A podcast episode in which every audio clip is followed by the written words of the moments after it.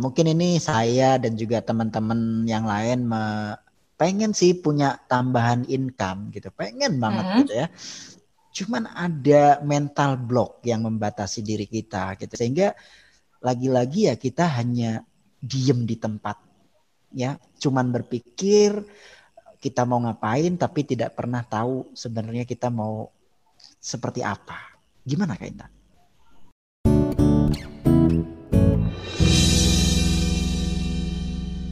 Aku pengen meluruskan dulu suatu persepsi yang salah di tengah masyarakat. Banyak orang menyangka kalau kita bersikap realistis itu sama dengan negatif. Enggak sama sekali.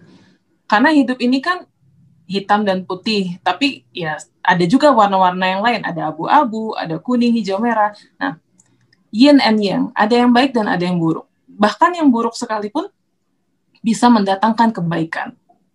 Gitu loh, aku tipe orang yang selalu percaya akan hal itu. Tapi menurut aku ada juga satu hal lagi yang nggak disadarin sama orang. Contohnya false positive.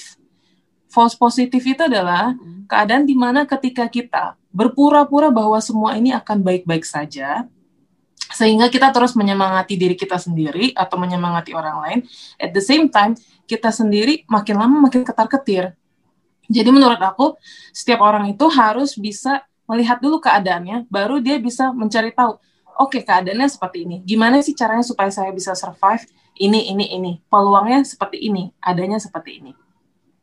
Karena kalau kita terus-terusan false positif yang insya Allah akan ada jalan keluar atau apa-apa-apa kayak gitu, pada saat kita udah benar-benar terhimpit, kita karena selama ini kita false positif, kita nggak berpikir ada yang negatif dan um, kita cenderung berpura-pura nggak ada masalah. Jadi kita nggak mencari sumber tambahan income contohnya, atau kita tidak bersiap-siap untuk musim dingin atau musim-musim kemarau gitu ya.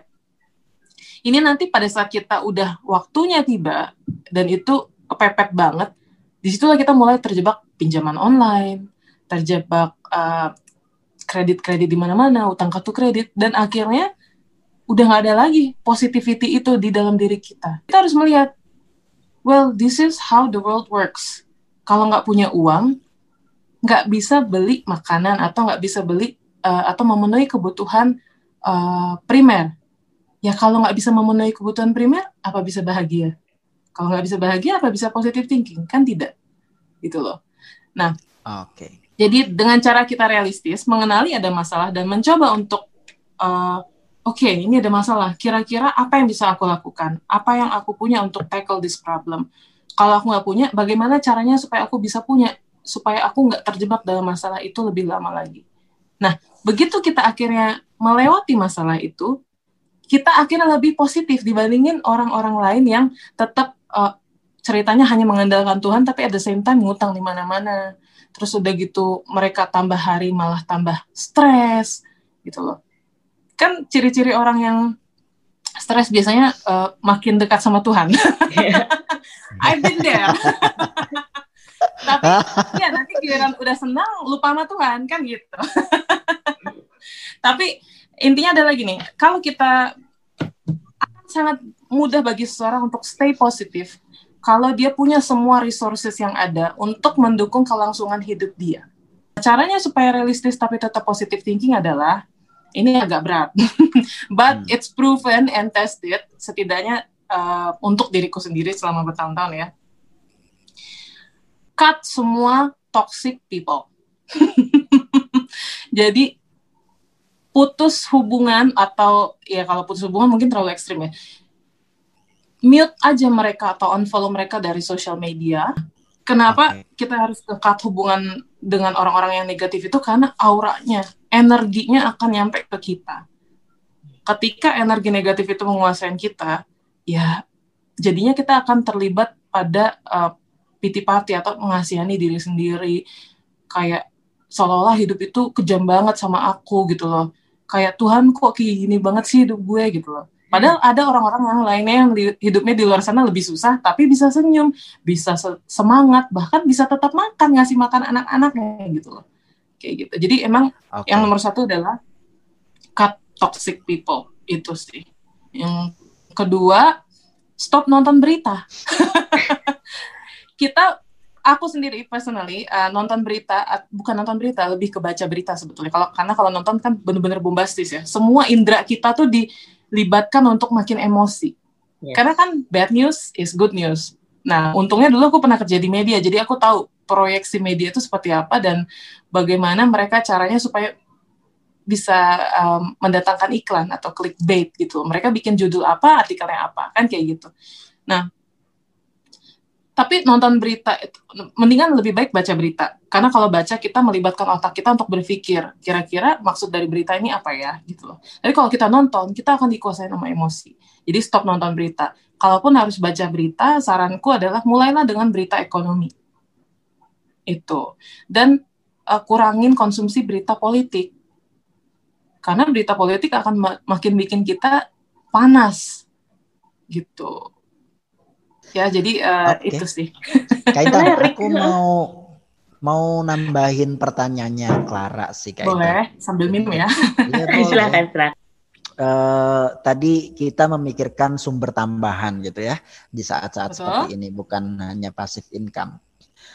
Uh, saya cuman gini kayak Intan, mungkin ini saya dan juga teman-teman yang lain me, pengen sih punya tambahan income gitu, pengen banget mm -hmm. gitu ya cuman ada mental block yang membatasi diri kita gitu ya. Aku suka kata-kata oh, itu. iya. Ini saya tuh usianya udah sekian gitu ya, mau nyari apa, tambahan apa, kayak gimana. Kayaknya oh nggak pernah jualan online apalagi gitu ya. Katakan kalau sekarang trainer pun gitu kan saya trainer mau mau ngapain gitu ya. Banyak sekali mental block ini ya, apalagi terkait dengan usia dan sebagainya sehingga lagi-lagi ya kita hanya diem di tempat ya cuman berpikir kita mau ngapain tapi tidak pernah tahu sebenarnya kita mau seperti apa gimana Kak Intan?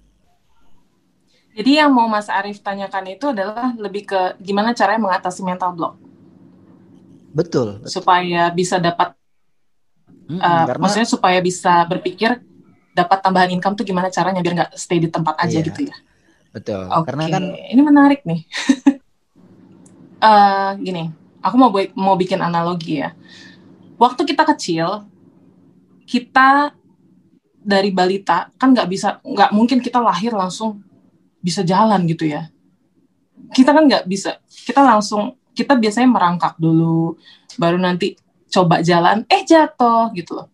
Pada saat itu, apakah pada saat kita jatuh pertama kali ya mungkin kita udah nggak ingat ya, tapi bisa coba tanya ke orang tua kita. Apakah orang tua kita bilang, ya udahlah duduk aja jatuh mulu?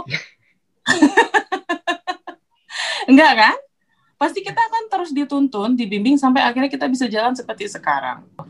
Nah, jadi yang mau aku sampaikan lewat analogi ini adalah gagal itu adalah hal yang luar, eh, ada hal yang biasa.